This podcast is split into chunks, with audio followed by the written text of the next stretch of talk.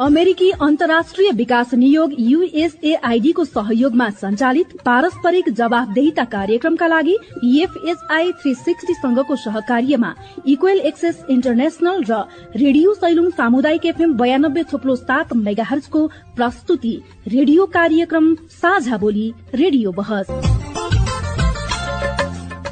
नमस्कार साझा बोली रेडियो बसमा तपाईँलाई स्वागत छ। म बुना घिमिरे। साझा बोली रेडियो बसमा हामी नागरिक समाज आम सञ्चार माध्यम र सार्वजनिक निकायबीचको पारस्परिक जवाफदेहिता र आपसी दिगो सम्बन्धका विषयमा बहस गर्छौं। पारस्परिक जवाफदेहिताका क्षेत्रीय सवाल र परिवेश समेटेर तयार पारिएको साझा बोली रेडियो बसको यो स्थानीय संस्करण हो। आजको साझा बोली रेडियो बस रेडियो सैलुङ सामुदायिक एफएम बयानब्बे थुप्लो सात मेगाहर्स दोलखाले उत्पादन गरेको हो। यो कार्यक्रम रामेछाप जिल्लाको हजुरको रेडियोबाट पनि सुन्न सकिन्छ। साझा बोली रेडियो बस तपाईँले हरेक हप्ता एकै समयमा सुन्न सक्नुहुनेछ।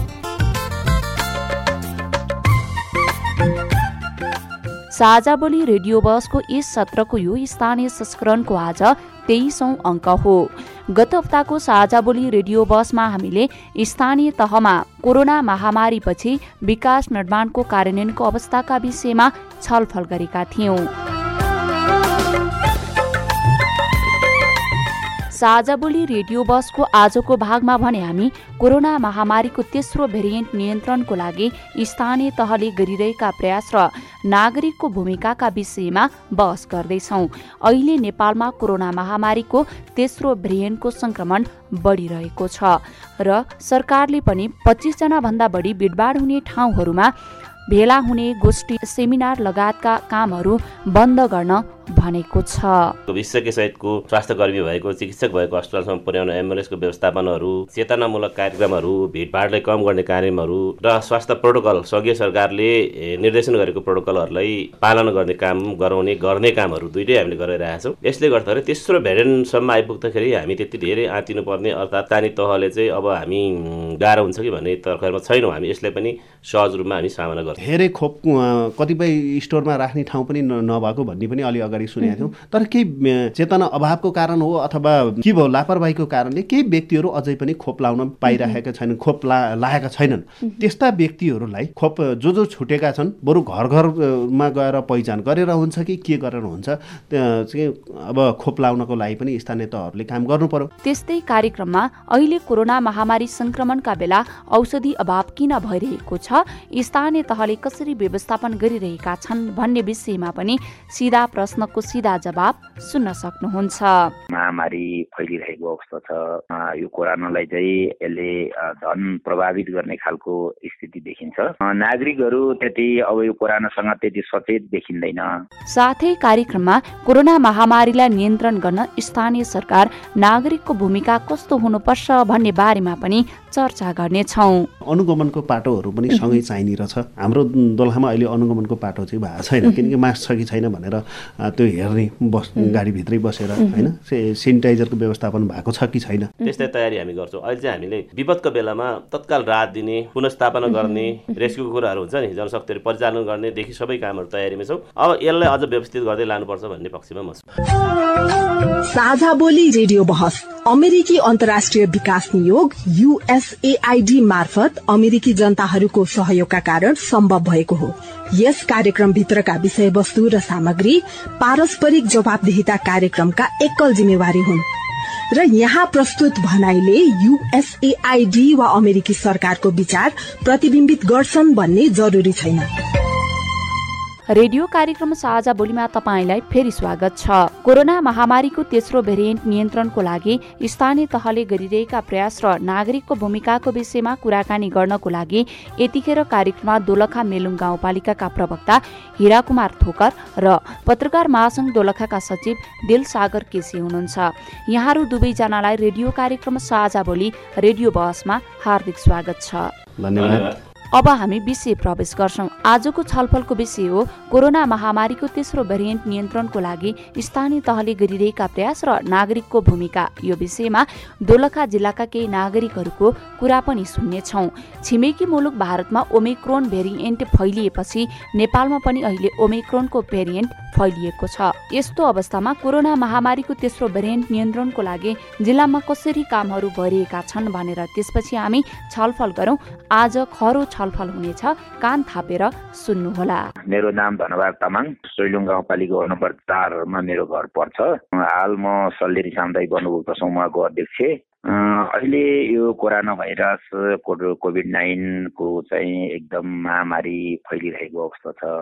यो कोरोनालाई चाहिँ यसले धन प्रभावित गर्ने खालको स्थिति देखिन्छ। नागरिकहरू त्यति अब यो कोरोनासँग त्यति सचेत देखिँदैन। हल्का मास्क लगाएर हिँडेको देखिन्छ तर पनि त्यति स्वास्थ्य मापदण्ड अनुसार रहेको देखिँदैन। अहिले अब स्थानीय तह स्थानीय तहले अब प्राविधिक ढङ्गले आफ्नो निर्णय गराएर चाहिँ अब कार्यालयहरू बन्द गर्ने प्रशासनहरूले नि कार्यालय बन्द गर्ने विद्यालयहरूले नि बन्द गर्ने कामहरू त भइरहेको देखिन्छ। औषधि उपचारहरूको त्यति कमजोरै देखिन्छ खोपहरू पनि कमजोर देखिन्छ। अब सरकारको त्यति गम्भीरता ढङ्गले ध्यान पुगेको देखिँदैन। त्यसो हुँदा आम नागरिकहरूले आफ्नो लागि आफैले पनि अलिक सोच्नुपर्छ कि भन्ने लाग्छ। त्यसो हुँदाखेरि यसलाई स्वास्थ्य मापदण्ड अनुसार नागरिकहरू आफै सचेत भएर अहिलेको महामारीलाई आफै सचेत हुनुपर्ने जस्तो देखिन्छ। हजुर हामीले दोलखा जिल्लाका केही नागरिकहरूको कुरा पनि सुनिसकेका छौँ। आजको छलफल सुरु गरौँ अब। मेलुङ गाउँपालिका दोलखाका प्रवक्ता हिरा कुमार ठोकरबाट। कोरोनाको पहिलो र दोस्रो भेरिएन्ट नियन्त्रणको लागि स्थानीय तहले सक्रिय रूपमा काम गरिरहेको अवस्थामा तेस्रो भेरिएन्टबाट बचाउनको लागि स्थानीय तहको तयारीहरू कस्तो छ कसरी कामहरू भइरहेका छन्? हामीले स्थानीय तहले सुरुदेखि नै कोरोनाको बारेमा कोरोनाको सम्बन्धमा जुन कामहरू गरिरहेको छ त्यो काम अहिले पनि निरन्तर छ। अहिले तेस्रो भेरिएन्टसम्म आउँदाखेरि हामीले धेरै कुरो व्यवस्थित गरिसकेका छौँ। हामीले विशेष गरी स्वास्थ्य जोगीहरूलाई व्यवस्थित गरेका छौँ। यदि सिरियस बिमारीहरूलाई गाह्रो भएको बिमारीहरूलाई क्वारेन्टाइनमा राख्ने र अलिक विशेष खालको विशेषज्ञसहितको स्वास्थ्य कर्मी भएको चिकित्सक भएको अस्पतालसम्म पुर्याउन एम्बुलेन्सको व्यवस्थापनहरू चेतनामूलक कार्यक्रमहरू भिडभाडलाई कम गर्ने कार्यक्रमहरू र स्वास्थ्य प्रोटोकल सङ्घीय सरकारले निर्देशन गरेको प्रोटोकलहरूलाई पालन गर्ने काम गराउने गर्ने कामहरू दुइटै हामीले गरिरहेका छौँ। यसले गर्दाखेरि तेस्रो भेरिएन्टसम्म आइपुग्दाखेरि हामी त्यति धेरै आँतिनुपर्ने अर्थात् स्थानीय तहले चाहिँ अब हामी गाह्रो हुन्छ कि भन्ने तर्खरमा छैनौँ हामी। यसलाई पनि सहज रूपमा हामी सामना गर्छौँ। हजुर भनेको पालिकाहरूले नागरिकहरूलाई जोगाउनको लागि पूर्व तयारी गरिरहेको छ अहिले पनि। पूर्व तयारी त पहिले नै भएको थियो अहिले तयारी पनि छौँ। फेरि यतिखेर पनि हामी अहिले पनि तयारीमै छौँ हामी। आवश्यक जे जे चाहिन्छ औषधिदेखि त्यसको लागि चाहिने सबै सामग्रीहरू व्यवस्थापन गर्दैछौँ हामी। पहिलेको जति छ त्योभन्दा थप गर्दैछौँ हामी। जस्तो अहिले पनि अब कोरोना खोप लगाउने क्रममा पनि भिडभाडहरू बढिराखेको छ। यसतर्फ चाहिँ स्थानीय तहको ध्यान कतिको गएको छ? अनि भिडभाड त स्वाभाविक रूपमा छ नै। त्यो नहुनु पर्ने भन्दा भन्दै हुन्छन्। किनकि भिड त्यहाँ गर्ने उद्देश्य मनसायले भिड हुँदैनन्। अब खोप लाउनु जाँदाखेरि पच्चिसजनाभन्दा माथि नजानु भन्ने कुरो हुन्छ। तर खोप लाउँदा मान्छे सय डेढ सयजना होइन त्योभन्दा बढी हुनसक्छन्। त्यसलाई हामीले मापदण्ड अप्नाउनुपर्छ। स्वास्थ्यको मापदण्ड दुरी कायम गर्ने कामहरू गरेर गऱ्यौँ भने त्यसबाट सर्ने सम्भावना कम हुन्छ।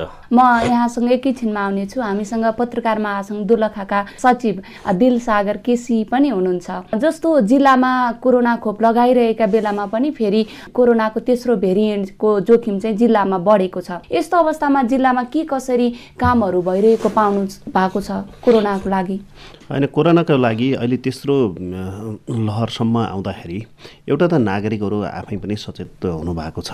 अर्को चाहिँ हाम्रो विशेष गरी स्थानीय सरकार हो। किनकि स्थानीय सरकार चाहिँ सरकार त अब सङ्घीय सरकार प्रदेश सरकारले पनि काम गरिरहेको छ। त्यसमा स्थानीय सरकारको अलिक बढी जिम्मेवार किन हुन्छ भने त्यो चाहिँ हाम्रो घर नजिक नजिकको सरकार सबभन्दा सरकार भनेर चिन्ने नै हाम्रो वडा तहको स्थानीय तहहरू हुन्। त्यस कारणले देख्दा छाम्दा पाउने सरकार उयो हुन्। त्यही भएर जे जे काम गरे पनि उनीहरूले अहिले सचेतनामूलक कामहरू गरिरहेको छ।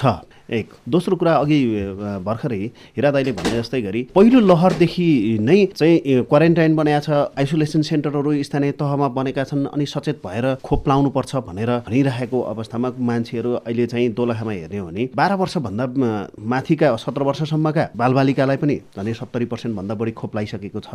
अनि त्योभन्दा माथिका पनि धेरै खोप लगाइसकेको हुनाले खोप केन्द्र धेरै चाहिँ पहिलो दोस्रो डोज लाइकन अग्रपङ्क्तिमा खटिनेहरू जो सुरक्षाकर्मी कर्मचारी जनप्रतिनिधि पत्रकार यस्ताले बुस्टर डोज पनि लगाइरहेको छ। त्यस कारणले यो अहिले अलि विगतमा भन्दा कम जोखिमपूर्ण र सचेत हुँदै यसमा चाहिँ कामहरू भइरहेका छन्। विशेष गरी जिल्लामा धेरै नागरिकहरूले खोप पनि लगाइसक्नु भएको छ। अब यो तेस्रो भेरिएन्टबाट नागरिकलाई नै जोगाउनको लागि चाहिँ सम्बन्धित निकायहरूले चाहिँ के के गर्नुपर्ने थियो? पहिलो लहरमा भर्खर भर्खर सुरु भएको थियो। सबै मान्छेहरू आत्तिने अवस्था थियो। दोस्रो लहरमा आइसकेपछि अलिक कडा खालको भयो। बिरामी भइहालेपछि कति ठाउँमा अक्सिजनको अभावले उपचार अभावले गर्दाखेरि चाहिँ मान्छेहरूको ज्यानसम्म जाने अवस्था भयो। तर त्यही बेला त्यसले अवसर के गर्यो भने गाउँ गाउँसम्म गाउँका स्थानीय सबै स्वास्थ्य चौकीहरूमा अहिले अक्सिजन सिलिन्डरहरू व्यवस्थापन भएका छन्। अक्सिजन कन्सन्ट्रेटरहरू व्यवस्थापन भएका छन्। अहिले चरिकोट अस्पतालमा त अक्सिजन प्लान्टै स्थापना भइसकेका छैन। अब केही प्राविधिक कारणले सञ्चालन हुन सकिरहेको छैन। ए यति मात्रै हो। अब त्यसपछि पहिलो र दोस्रोमा भएका कमी कमजोरीहरू फेरि पनि दोहोरिएला है। अब नागरिकहरूले फेरि पनि ज्यान जानुपर्ने अवस्था आउन सक्छ। भिडभाड भयो भने सरकारी स्थानीय सरकार अनि जिल्ला प्रशासन सुरक्षा निकायहरू के हेरिरहेछ? राजनैतिक पार्टीहरूले कार्यक्रम गर्दा खबरदार भनेर हामी चाहिँ हामीले गरिरहेका छौँ। त्यही भएर के हुँदैछ भइरहेछ भने आज पनि हेर्नुहुन्छ भने स्थानीय तह नौ हाम्रो नौवटा स्थानीय तहमध्ये तिनवटा स्थानीय तहको कार्यालयहरूको आकस्मिक काम भए बाहेकका कामहरू बन्द भएको छ। किन बन्द भयो भन्दा काम गर्दै जाँदाखेरि त्यहाँ केही कर्मचारीहरूलाई त्यहाँ कोरोनाको लक्षण देखियो। त्यसमा अरूमा नफैलियोस् भनेर स्थानीय तहका कार्यालयहरूमा त धेरै भिडभाड हुन्छ। किनकि सेवा लिन आउनेहरू समुदाय स्तरमा नजाओस् भनेर अहिले सेवा नै चाहिँ बरु बन्द भएको अवस्था छ। भने जिल्ला प्रशासन कार्यालयमा पनि नागरिकता पासपोर्ट लिनेहरूको चाहिँ भिडभाड बढ्दै गएको कारणले अहिले बरु त्यसलाई सेवा नै रोक्नुभन्दा पनि अलिक भिडभाड कम होस्। भनेर उहाँहरूले आलो पालो सिस्टमले पनि काम भइरहेको स्थिति छ। भिडभाडको रोक्नको लागि छ। मास्क सेनिटाइजर लाउनु पऱ्यो भनेर चाहिँ लगातार चेतनामूलक काम भइरहेछ। यो हामी सञ्चारकर्मीलेहरू सञ्चार माध्यमहरूको तर्फबाट पनि हामीले त्यो पनि सचेतनामूलक कामहरू गरिरहेछौँ दबावमूलक कामहरू गरिरहेछौँ। जस्तो हिरा सर उहाँले पनि भन्नुभयो अहिले जिल्लाका स्थानीय तहहरूमा पनि कर्मचारीहरूमा चाहिँ कोरोना सङ्क्रमण भइसकेपछि कार्यालयहरू नै बन्द पनि गरिएका छन्। सँगसँगै जिल्ला प्रशासन कार्यालयले पनि आलो पालो सिस्टमबाट चाहिँ सेवा प्रवाह गरिरहेको छ। यसबाट के पनि देखिन्छ भने जिल्लाका सम्बन्धित निकायहरू सतर्क छन् तर नागरिकहरू सेवा लिने क्रममा जाँदाखेरि भिडभाड गर्ने जनस्वास्थ्यका मापदण्डहरू नअपनाउँदाखेरि चाहिँ समस्या भएको अझै पनि देखिन्छ। स्थानीय तहहरूले चाहिँ कसरी कदम चाल्न सक्छन्? यस्तो अवस्था समस्या नै हो। यो भाइरस विशेष गरी सर्ने नै भिडभाडको कारण नै सर्ने हो। अर्थात् रोगी मान्छेसँग अर्को मान्छेको संसर्ग भयो भने सर्ने हो। अहिले हामीले अघि हाम्रो पत्रकार महासङ्घको सजिजुले भन्नुभयो केही स्थानीय तहले आफ्नो सेवा बन्द गरेका छन्। जिल्ला प्रशासन कार्यालयले आलो पालो गरेका छ। मेलुङ गाउँपालिकामा अहिलेसम्म त्यही स्थानीयलाई पोजिटिभ देखाएको छैन। हाम्रो एकजना सैलुङमा कार्यरत कर्मचारीले देखाएको थियो। त्यो कारणले हामीले आलो पालो सिस्टम गरेका छैनौँ। तर हाम्रो कार्यालय सञ्चालन गर्दाखेरि हामीले यसको प्रोटोकलहरूले अप्नाएको छौँ। त्यहाँ चाहिँ स्वास्थ्यको मापदण्डहरू पुरा गर्ने साबुन पानीले हात धुने सेनिटाइजर लगाउने मास्क अनिवार्य गरेका छौँ। त्यो सन्दर्भमा भिडभाड कम गर्ने र भिडभाडलाई व्यवस्थित गर्ने काम हामीबाट हुन्छ अहिले। किनकि यो मानव स्वभाव हो स्वभाव जान्ने कुरो हो। हामी जतिसुकै भिडभाड गर्दैनौँ भन्दा पनि आवश्यक सेवाहरू प्रवाह गर्ने आवश्यक सेवा लिने क्रममा त्यो नजानी नजानिकन पनि नजिक हुन पुगिन्छ यो मानव स्वभाव हो। यो स्वभाव जन्य क्रियाकलापलाई हामीले क्रमशः सुधार गर्दै लानुपर्छ। सुधार हुँदै गएको छ। जहाँ सेवाग्राहीहरूको भिड लाग्छ जस्तो जिल्ला प्रशासनले आलो पालो गरेको छ हाम्रो पनि त अब वडा कार्यालयहरूमा नागरिकतादेखि होइन ना विशेष गरी सिफारिसको कामहरू प्रमाणितका कामहरू जति छन् त्यसलाई व्यवस्थित गर्नका लागि हाम्रो कर्मचारीहरूले त्यही अनुसार सेवा प्रदान गरिरहेछ। त्यही अनुसार अहिले हामीले हाम्रो जनशक्तिहरू परिचालन गरेका छौँ। तपाईँ अहिले पारस्परिक जवाबदेता प्रबन्धनका लागि साझा बोली रेडियो बस सुन्दै हुनुहुन्छ। हामी कुरा गरिरहेका छौँ। कोरोना महामारीको तेस्रो भेरिएन्ट नियन्त्रणको लागि स्थानीय तहले गरिरहेका प्रयास र नागरिकको भूमिकाको विषयमा र हामीसँग छलफलमा हुनुहुन्छ दोलखा मेलुङ गाउँपालिकाका प्रवक्ता एवं वडा नम्बर तिनका वडा अध्यक्ष हिरा कुमार थोकर र पत्रकार महासंघ दोलखाका सचिव दिलसागर केसी। दोलखा जिल्लासहित नेपालमा तेस्रो भेरिएन्टका संक्रमित दिन प्रतिदिन बढिरहेकाले त्यसको नियन्त्रणको लागि स्थानीय तहले योजनाबद्ध ढङ्गले काम गर्नुपर्छ भन्ने विषयमा सहमत भएका छौँ। साझा बोली रेडियो बसमा अझै हामी कोरोनाको जोखिम बढिरहेको अवस्थामा स्वास्थ्य कर्मी कसरी व्यवस्थापन भएका छन् कोरोना खोप लगाउने क्रममा समेत भिडभाड हुँदा कोरोना झन बढ्ने देखिन्छ। यस्तो अवस्थामा स्थानीय तहले कस्तो कदम चाल्नुपर्छ भन्ने विषयमा घनीभूत रूपमा छलफल गर्नेछौँ।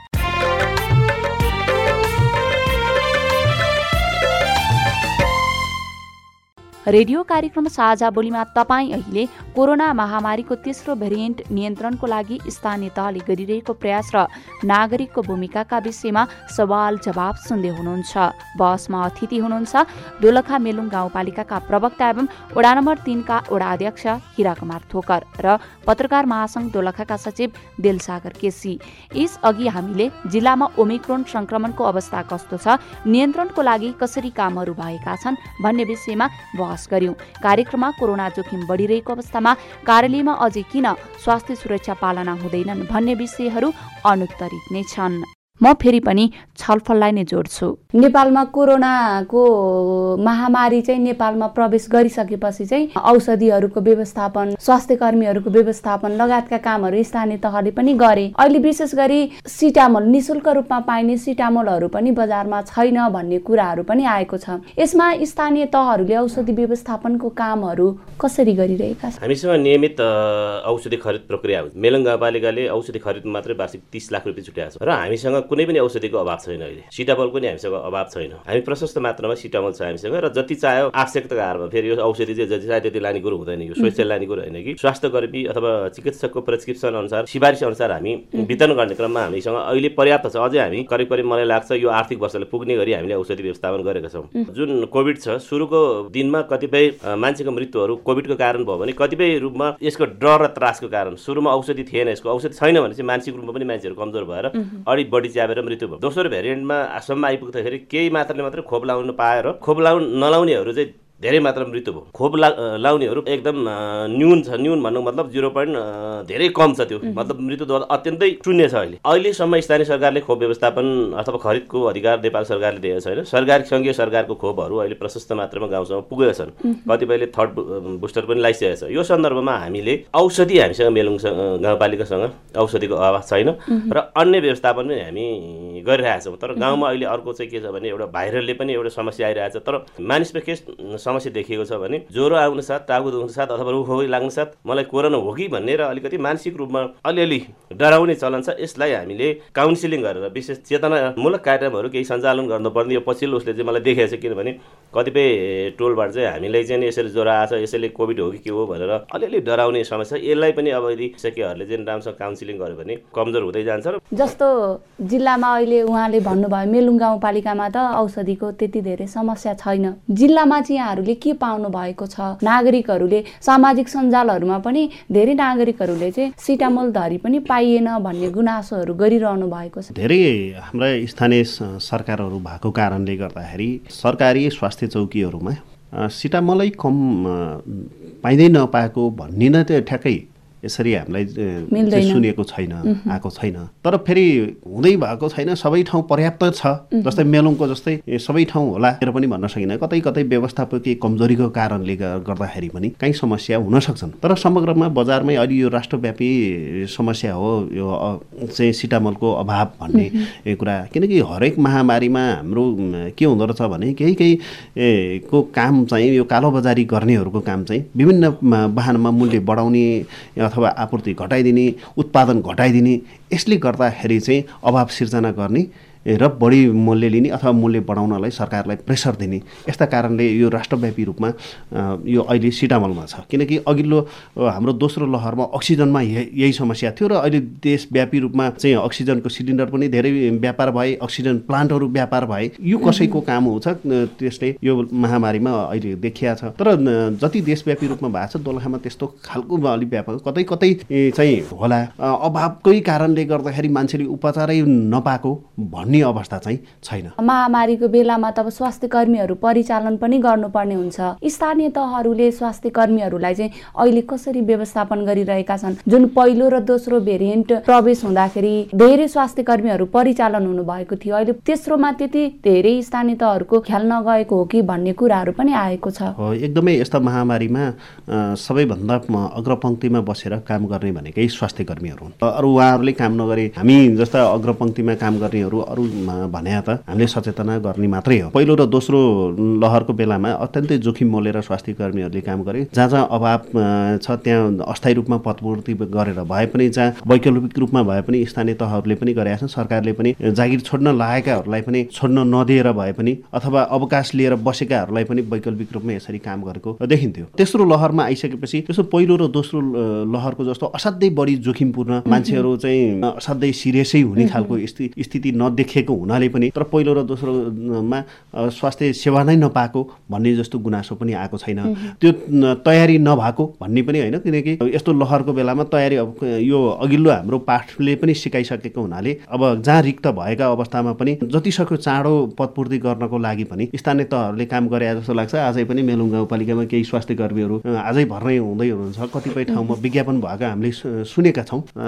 यस्तो अवस्थामा के के गर्न सक्छन् स्थानीय तहहरूले स्थानीय तहहरूले गर्न सक्ने भनेको त पहिलो चाहिँ यो बेलामा आइसोलेसन सेन्टरहरू तयारी अवस्थामा राख्ने यदि कोही भइहाल्यो भने होल्डिङ सेन्टरहरू तयारी अवस्थामा राख्ने औषधिहरू तयारी अवस्थामा राख्ने स्वास्थ्य कर्मीहरूलाई काहीँ केही परिहाल्यो भने महामारी फैलियो भने कहाँ जाने त्यो तयारी अवस्थामा राख्नको लागि चाहिँ स्थानीय तहहरूले गर्नु पर्यो र चेतनामूलक कामहरू गराउने र जहाँ जहाँ अघि अहिले पनि केही ठाउँमा हामीले धेरै खोप कतिपय स्टोरमा राख्ने ठाउँ पनि नभएको भन्ने पनि अलि अगाडि सुनेका थियौँ। तर केही चेतना अभावको कारण हो अथवा के भयो लापरवाहीको कारणले केही व्यक्तिहरू अझै पनि खोप लाउन पाइरहेका छैनन् खोप ला लाएका छैनन्।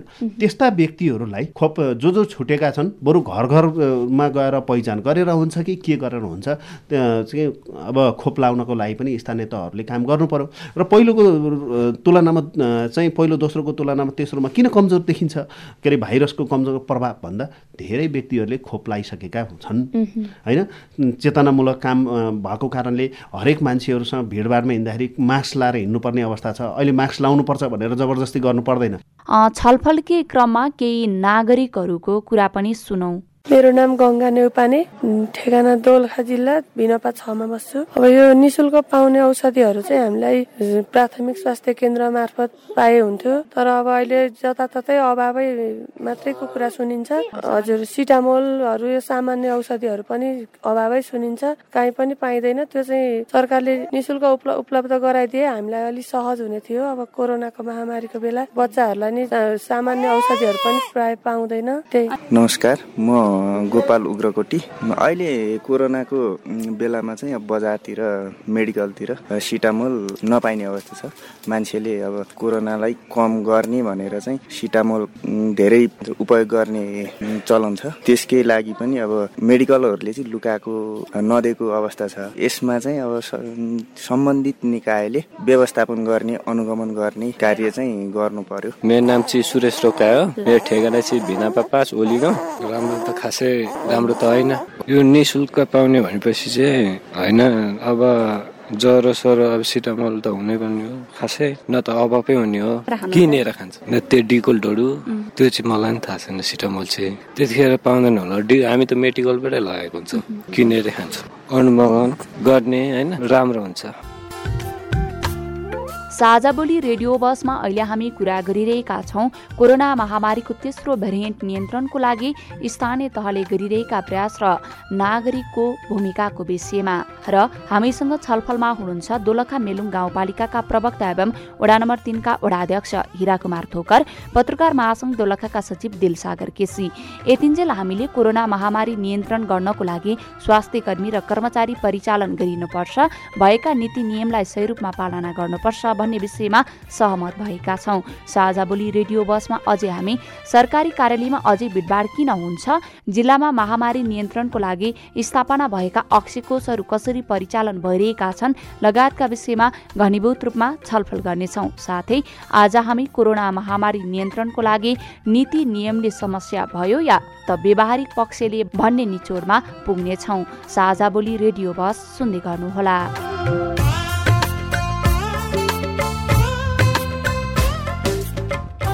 तपाईँ अहिले पारस्परिक जवाबदेता प्रबन्धनका लागि साझा बोली रेडियो बस सुन्दै हुनुहुन्छ।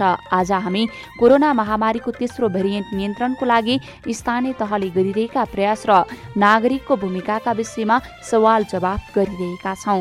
छलफलका लागि आज हामीसँग हुनुहुन्छ दोलखा मेलुङ गाउँपालिकाका प्रवक्ता एवं वडा नम्बर तिनका वडाध्यक्ष हिरा कुमार थोकर पत्रकार महासंघ दोलखाका सचिव दिलसागर केसी। यतिन्जेल हामी स्थानीय तहले कोरोना नियन्त्रणको लागि के कस्ता कामहरू गरिरहेका छन् स्वास्थ्य कर्मीहरूलाई कसरी परिचालन गरिँदै आएको छ लगायतका विषयमा छलफल गर्यौं। म फेरि पनि छलफललाई नै निरन्तरता दिन्छु।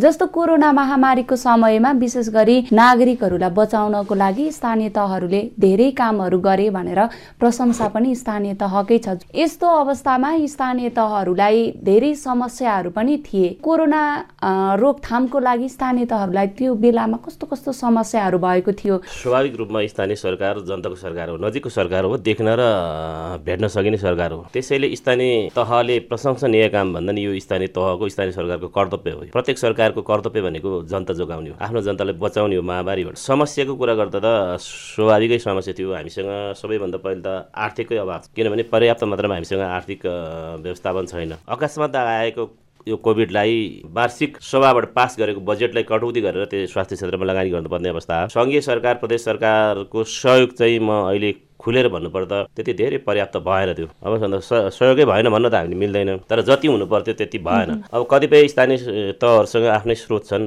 स्वाभाविक रूपमा परिचालन गरेका छन् उनीहरूले। स्रोत कम भएका आफ्नो आन्तरिक आम्दानी कम भएको स्थानीय तहहरूलाई समस्या परेको छन् तर त्यसले पनि बुद्धिमत्तापूर्वक त्यसलाई व्यवस्थापन गरेका छन् कतिले। होला सेवा प्रवाह गर्दै जाँदाखेरि कहिलेकाहीँ समस्याहरू आउन सक्छन् कहिलेकाहीँ त्रुटिहरू हुन सक्छन्। अघि हाम्रो सचिव मासँग सचिवज्यूले नै भन्नुभयो कतिपय मान्छेहरू कतिपय सङ्घ संस्थाहरू यस्तो बेलामा मानवीयतामाथि खेलबाड गर्छ कालो बजारी गरिदिने हुइम चलाइदिने। अहिले पनि सिटामलको कुरा बाहिर आएछ मलाई जहाँसम्म लाग्छ म राम्रोलाई राम्रो भन्ने मान्छे हो। सिटामलको अभाव मलाई बजारमा भएको जस्तो लाग्दैन। केही कालो बजारीहरूले यो हल्ला मात्र चलायो। काहीँ सिटामल नपाएर मान्छे मऱ्यो भने त अहिलेसम्म छैन नि। त्यो सन्दर्भमा हामीले पर्याप्त मात्रामा रहेको समस्याको बिचमा यो कोभिडले पार गर्न पहिलो र दोस्रो पार गर्न हामी सफल भएका छौँ। त्यस बिचमा हामीले केही हाम्रो जनताहरू गुमायौँ हामी आफै पनि प्रभावित भयौँ पोजिटिभ भयौँ त्यसको बिचमा पनि हामी अगाडि बढ्यौँ। अब स्वास्थ्य कर्मीहरू स्वाभाविक रूपमा उनीहरू पनि मान्छे हुन् मानव हुन्। यति फरक हो कि उनीहरूले स्वास्थ्य सम्बन्धी तालिम प्राप्त गरेको छ अथवा पढाएका छन् उनीहरूले। त्यो ज्ञान हासिल छ र उनीहरूले प्रोटोकलमा बसेर मापदण्डमा बसेर जनताको उपचार गर्न सक्छन्। त्यसो हुँदाखेरि स्वास्थ्य कर्मीहरूले प्रोत्साहन गर्नै पर्छ। स्वास्थ्य कर्मीहरू यतिखेर जनताको भगवान् नै हुन्। त्यसो भनिरहँदा फेरि अर्को पनि स्वास्थ्य कर्मीले के बुझ्नु हुँदैन भने यो मेरो ड्युटी हो कर्तव्य हो भने नि बुझ्नु हुँदैन। किनकि राज्यको एउटा कर्मचारी हो। हामी जनप्रतिनिधि भएर आइसकेपछि त्यहाँको नीति निर्माण बनाउने जनताको माझ पुग्ने समस्याको समाधान गर्ने। स्थानीय तहमा रहेका स्वास्थ्य कर्मीहरूलाई जोखिम भत्ताहरू पनि नदिएको र उनीहरू आन्दोलनमा पुगेको भन्ने कुराहरू पनि आएको छ। जस्तो दोलखा जिल्लामा नहोला अन्य स्थानीय तहहरूमा यस्तो समस्याहरू पनि त्यो यस्तो हो त्यो स्वाभाविक रूपमा के हो भने अलिकति बढी खटिनु पर्दाखेरि केही इन्सेन्टिभ दिनुपर्छ अथवा केही सुविधा दिनुपर्छ भन्ने मान्यता राख्नु नजायज होइन। तर स्वास्थ्य कर्मीहरूको कर्तव्य भनेर त राज्यले निर्धारण गरेको पारिश्रमिक बसेर म काम गर्छु भन्ने हो नि। जोखिमको बेलामा अलिकति बढी खट्नु पर्ला। त्यस्तो अवस्थामा त्यो स्थानीय तहसँग आन्तरिक स्रोत छ उसले व्यवस्थापन गर्नै पर्छ। अग्र मोर्चामा खट्दाखेरि ज्यानको बाजी लाएर खट्दाखेरि उसले केही थप उसले प्रोत्साहन भत्ता दिनैपर्छ तर जहाँ जिरो छ आन्तरिक दिने आधार छैन भने जति छ त्यसमा पनि काम गर्नुपर्छ। हुने बेलामा दिने हो फेरि। घोषणा कतिपय गरेर ठाउँमा गरेर आन्दोलनहरू भएको हामीले पनि बुझाएको छौँ प्रदेश सरकारले पनि बुझाएको छौँ।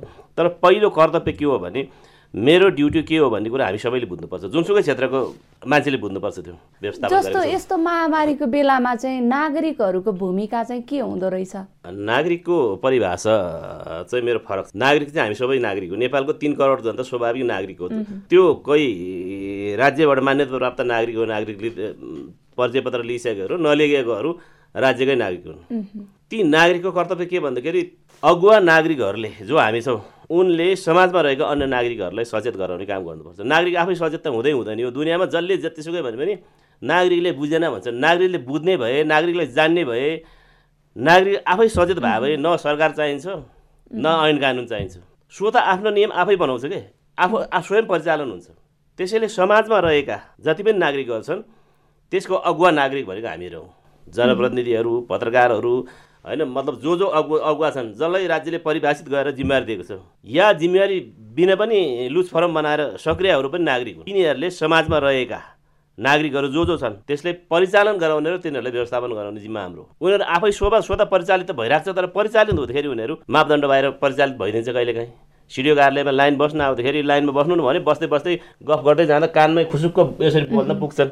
र नागरिकहरूको कर्तव्य त के हो भने समाजको एउटा सदस्य हो म जीवित रह्यो भने मैले अरूले जोगाउन सकिन्छ भन्ने तरिकाले परिचालित हुनु। जस्तो कोरोना महामारीकै बेलामा अहिले पनि नागरिकहरू सचेतै हुनुहुन्छ अघि उहाँले पनि भनिसक्नु भयो सचेत त हुनुहुन्छ नागरिकले हामीले सचेत छैन भन्न मिल्दैन। यसो भन्न साथ यो चाहिँ कहाँबाट सचेत भएर आएछ भन्छ। हन्ड्रेड पर्सेन्ट नागरिक सचेत भयो भने त यो रोग आउँदै यसरी फैलिँदै फैलिँदैन नि। त्यसभित्र हामी पनि पर्ला मापदण्ड नमान्नेमा। तर नेपालको नागरिकहरू सचेत हुनका लागि राज्यले त्यही अनुसारको भूमिका खेल्नुपर्छ। जुनसुकै सरकारले त्यही अनुसारको भूमिका खेल्नुपर्छ। एकैचोटि सचेत त हुँदै हुँदैन सम्भव छैन। त्यसैले हाम्रो नागरिक सचेत छैन पनि भन्दिनँ म सचेत छ पनि भन्दिनँ। हुन्छ म एकैछिनमा आउनेछु। जस्तो उहाँले पनि भन्नुभयो अघि यहाँले पनि भन्दै हुनुहुन्थ्यो नागरिकहरू केही हदसम्म सचेत हुनुहुन्छ भनेर। जस्तो अहिले सरकारले पनि भनिसकेको छ गाडीहरूमा यात्रा गर्दाखेरि सिट क्षमताभन्दा बढी यात्रुहरू नबोक्नु अनिवार्य रूपमा चाहिँ मास्क सेनिटाइजरहरू लगाउनु भनेर। तर दोलखा जिल्लाको हकमा त्यस्तो पाइँदैन। अधिकांश नागरिकहरू यात्रा गर्दाखेरि मास्क बिना नै यात्रा गरिरहनु भएको छ। यस्तो अवस्थामा के गर्न सकिन्छ? नागरिकहरू स्वयं सचेत हुनुपर्ने किनकि थाहा नपाएर उहाँहरूले मास्क ला नलाउनु भएको होइन नि। नभएर पनि नलाउनु भएको होइन नि। सेनिटाइजर चाहिँ थाहा नभएर नगरे होइन नि। तर के भने थाहा पाइ पाइकन बुझ बचाउने।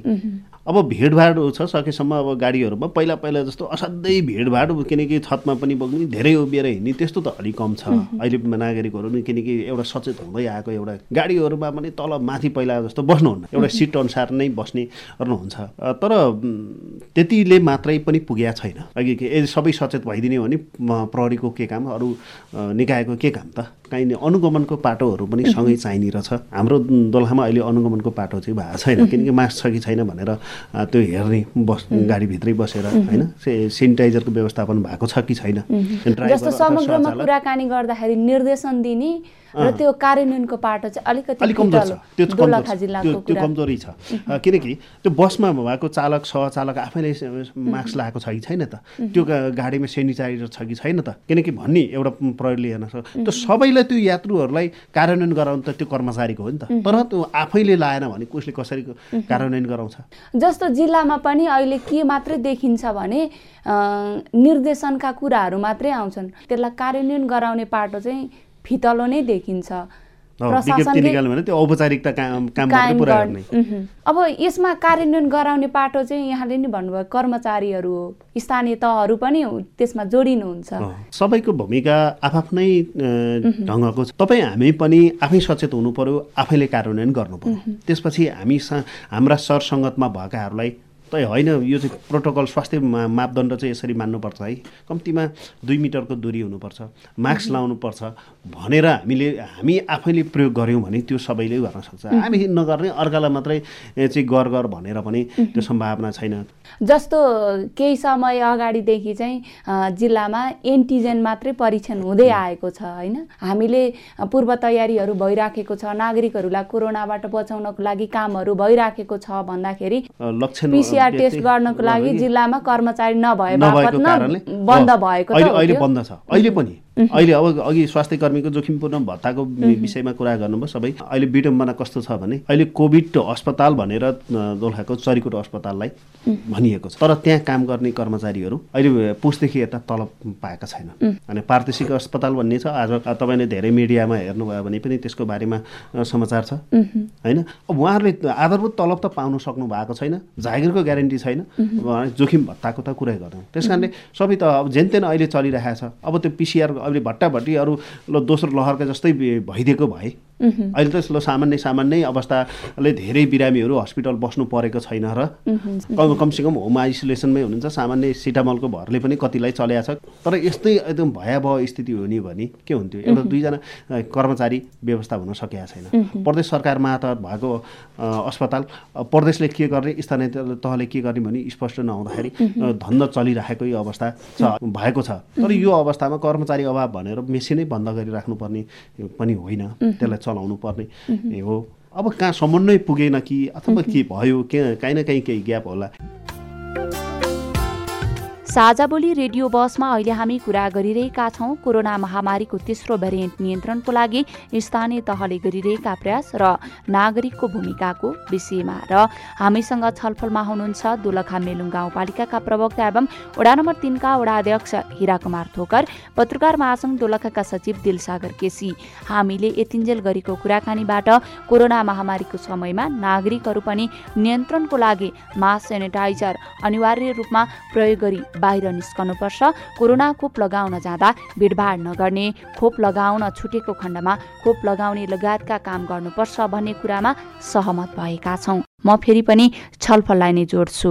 जस्तो हिरा सर यस्ता कुराहरूमा चाहिँ यहाँहरूलाई नीतिगत व्यवस्थाले नै समस्या पार्छ अथवा चाहिँ व्यवहारिक पक्षले हो? जुन अहिले अस्पतालहरूमा पनि समस्या भयो भन्ने कुरा चाहिँ आएको पनि दुइटै कुरा हो यसमा। नीतिगत समस्याहरू त केही छैन अब होइन किन भन्दाखेरि स्थानीय सरकारहरूलाई नीति नियम बनाउने भयो अधिकार भए पनि कतिपय नीतिहरू ऐनहरू कानुनहरू सङ्घीय सरकारसँग बाजिनु हुँदैन भन्ने मान्यताहरू छन्। त्यो बाध्यात्मक नै हो छन् भन्दा नि। अर्को कुरा भनेको जस्तो चरिकोट अस्पतालकै कुरो गर्ने हो भने नि पिसिआरको सन्दर्भमा अहिले सञ्चालनमा आएको छैन भन्ने कुरा छ तर हिजो अस्ति मैले सोद्धा आउँछ छिटै सुरु गर्छौ भन्थे। एन्टिजेन अलिक छिटो हुन्छ भनेर होला। एन्टिजेनमा भर पर्दो भएन भने पिसिआर गर्ने क्रम त्यो सम्भव होला। अघि महासङ्घ सचिवज्यूले नै भन्नुभयो प्रदेश सरकार चाहिँ कस्तो भयो भने हाम्रो लागि चाहिँ त्यो आँखा नदेख्नेले हात्ती छामे जस्तै भयो कि आँखा नदेख्नेले हात्ती छाम्दाखेरि त्यो के हो के हो जस्तो हुन्छ। प्रादेशिक सरकार के अरे अस्पताल भनेर नामाकरण गरेको छ चरिकोट प्रदेश अस्पताल भनेर होला सायद त्यहाँ अब त्यहाँ बुझ्दाखेरि धेरैचोटि ताकेत गऱ्यो तर प्रदेशले अहिलेसम्म हामीलाई जे जे पठाउनु पर्ने त्यो पठाएको छैन भन्ने कुरा छ। अक्सिजन प्लान निर्माण भयो कर्मचारी पठाएको छ। जुन विषयमा हामीले कर्मचारी नियुक्ति गर्छौँ त्यो कर्मचारी फेरि अर्कोतिर नाम निस्केर हिँड्दै त्यसले गर्दा पनि जबसम्म स्थायी प्रगतिको कर्मचारी हुँदैन तबसम्म त्यहाँ त्यो सेवाले निरन्तरता पाउँदैन। यो यहाँको मात्र होइन जहाँ पनि समस्या त्यही हो अहिले। त्यो त्यो त्यो पिसिआरको सन्दर्भमा त्यही होला किनकि नभए त्यहाँ कर्मचारी भएको कर्मचारी अन्त नगइसकेर त त्यहाँ अभाव हुँदैन। काहीँ न काहीँ गएको हुनुपर्छ। नीतिगत रूपमा व्यवस्थापन गर्दै जाने भन्ने कुरा अब बिस्तारै सङ्क्रमणको अवस्था छ। अहिले यतिखेर नीति खोजेर पनि हुँदैन कि? कतिपय यो महामारीको बेलामा नीति भएको नीति बाधक छ भने त्यसलाई खारेज गरेर अगाडि बढ्नुपर्ने सन्दर्भ हुन्छ। जुन कोभिड अस्पताल सञ्चालनको सन्दर्भमा त हामीले पनि सहयोग गरेका छौँ। प्रत्येक स्थानीय त अहिले अहिले पनि आवश्यक पऱ्यो भने दिन्छौँ हामी। तर कहिलेकाहीँ कर्मचारी अभाव छ कर्मचारी छैन भनेर त्यस्तो त्यो बेहाल गरेर चाहिँ राख्नु हुँदैन। कि प्रदेशले कर्मचारी पठाउनुपर्छ कि तत्काल यहाँ अर्को कर्मचारी नियुक्ति गर्नको लागि अधिकार दिनुपर्छ। दुइटै कुरो रोकेर राखेर यो प्रदेश सरकारले काम गर्दैन। स्वास्थ्य सेवा भनेको त सबैभन्दा जनताको आधारभूत आवश्यकता हो र मौलिक हकभित्र कुरा हो यो। नीति नीति बन्दै गर्छ कानुन बन्दै गर्छ तर तत्काल व्यवस्थापन गर्नुपर्छ। जस्तो महामारीको बेलामा स्थानीय तहहरूले अहिले त कोरोना भाइरस आयो अहिले त एकदम चुस्त दुरुस्तै छन् स्थानीय तहहरू। कोषहरू खडा भइसकेपछि त्यसको परिचालन चाहिँ कसरी भएको? विपद व्यवस्थापन समिति चाहिँ अहिलेदेखि होइन उहिलेदेखि छ त्यो। मलाई लाग्छ मैले बुझिदेखि नै त्यो छ। त्यसको कार्यान्वयन भयो कि भएन भन्ने पाटो भयो हामीले राज्यमा दुई खालको पद्धति हुन्छ। नीति बनाउने कार्यान्वयन गर्ने। कार्यान्वयन गर्नेले गरिदिनुपर्छ क्या नीति बनाइसकेपछि। विपद भनेको त त्यो बाजा बजाएर म आउँछु भनेर घोषणा गर्दै आउने होइन त्यो।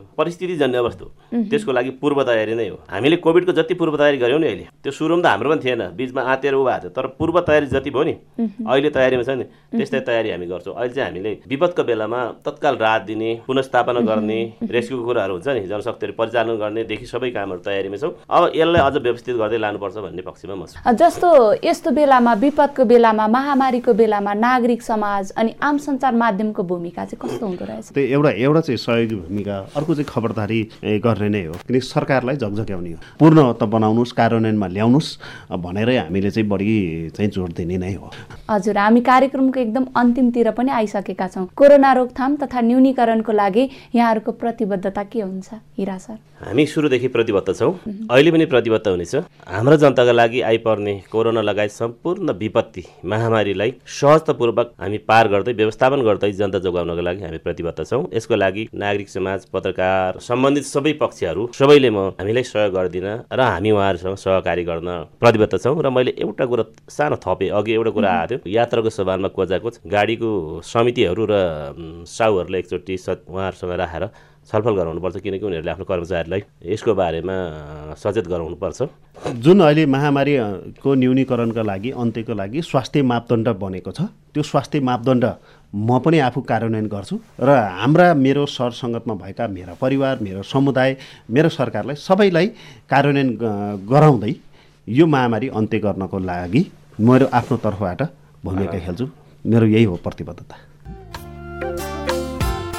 राज्य स्तरबाट जतिसुकै राम्रा व्यवस्थाको सुरुवात भए पनि त्यसको कार्यान्वयनमा ध्यान दिन नसक्ने हो भने उक्त व्यवस्था असफल हुन पनि सक्छ। त्यसैले कोरोना महामारी नियन्त्रणको लागि आफ्ना जनता बचाउनको लागि स्थानीय सरकारले सक्दो काम गरिरहेका छन्। सँगै हामी जस्ता नागरिक समाज आम सञ्चार माध्यमले पनि भूमिका खेल्नु आवश्यक छ। आजको हाम्रो छलफलमा सहभागी भइदिनु भएकोमा तपाईँहरू दुवैजनालाई धेरै धेरै धन्यवाद। धन्यवाद। अब भने साताको प्रश्नको नतिजा सुनाउने पालो भएको छ। गत कार्यक्रममा हामीले सोधेको प्रश्न थियो विकास निर्माणको काम कोरोना महामारीपछि सञ्चालन भएका छन् यसको सही उत्तर हो भएका छन्। यो प्रश्नमा हामीलाई धेरै जवाफहरू प्राप्त भएका छन्। तीमध्ये सत्ताइसवटा जवाफहरू सही भएका छन्। सत्ताइसवटा सही जवाफहरूमध्ये गोला प्रथा गर्दा विजयी हुनुभएको छ। ओखलढुङ्गाका रूपक मगर विजयी साथीलाई बधाई छ। विजेता साथीलाई हामी उपहार स्वरूप हामी तपाईँको मोबाइल नम्बरमा एक सय रुपियाँ बराबरको रिचार्ज कार्ड प्रदान गर्नेछौँ। अब भने यो साताको प्रश्नको पालो। प्रश्न टिप्न तयार हुनुहोस् है त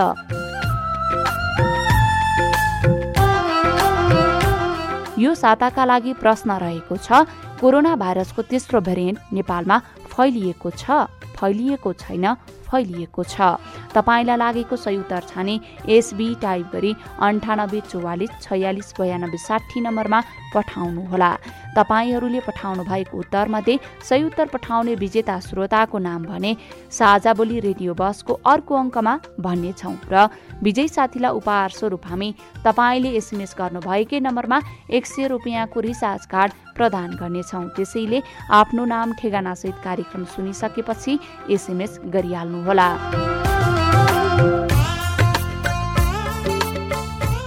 हामी साझा बोली रेडियो बसको अन्त्यतिर आइपुगेका छौँ। साझा बोली रेडियो बसबारे मनका कुरा भन्नको लागि एनटिसीको मोबाइल वा ल्यान्डलाइन फोन प्रयोग गर्नुहुन्छ भने सोह्र साठी शून्य एक शून्य शून्य चार पाँच नौ नम्बरमा फोन गर्नुहोला।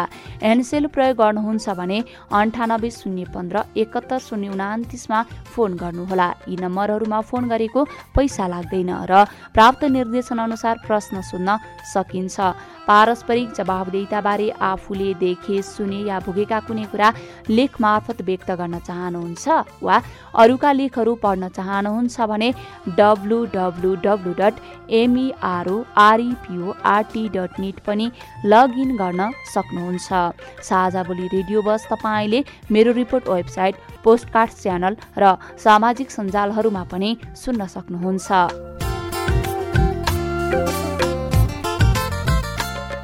हौस् त। आजको साझा बोली रेडियो बसबाट अब विदा हुने बेला भयो। आज हामीले कोरोना महामारीको तेस्रो भेरिएन्ट नियन्त्रणको लागि स्थानीय तहले गरिरहेका प्रयास र नागरिकको भूमिकाको विषयमा खरो कुराकानी गर्यौं स्थानीय तहले पहिलो पाँच वर्ष कार्यकाल पूरा गर्न लागेका छन्। यस अवधिमा स्थानीय तहले अहिले फैलिरहेको कोरोना महामारी नियन्त्रणको लागि काम गर्ने सँगै विकास निर्माणको कामलाई पनि निरन्तरता दिनुपर्छ भन्ने विषयमा आज हामी सहमत भयौँ। आजका हाम्रा अतिथि दोलखा मेलुङ गाउँपालिकाका प्रवक्ता एवं वडा नम्बर तिनका वडा अध्यक्ष हिराकुमार थोकर र पत्रकार महासंघ दोलखाका सचिव दिलसागर केसीले पनि भएका नीति नियम र पद्धतिमा रहेर काम गर्ने तथा गराउने प्रतिबद्धता जनाउनु भएको छ। आशा छ यी प्रतिबद्धताहरू पुरा हुनेछन्।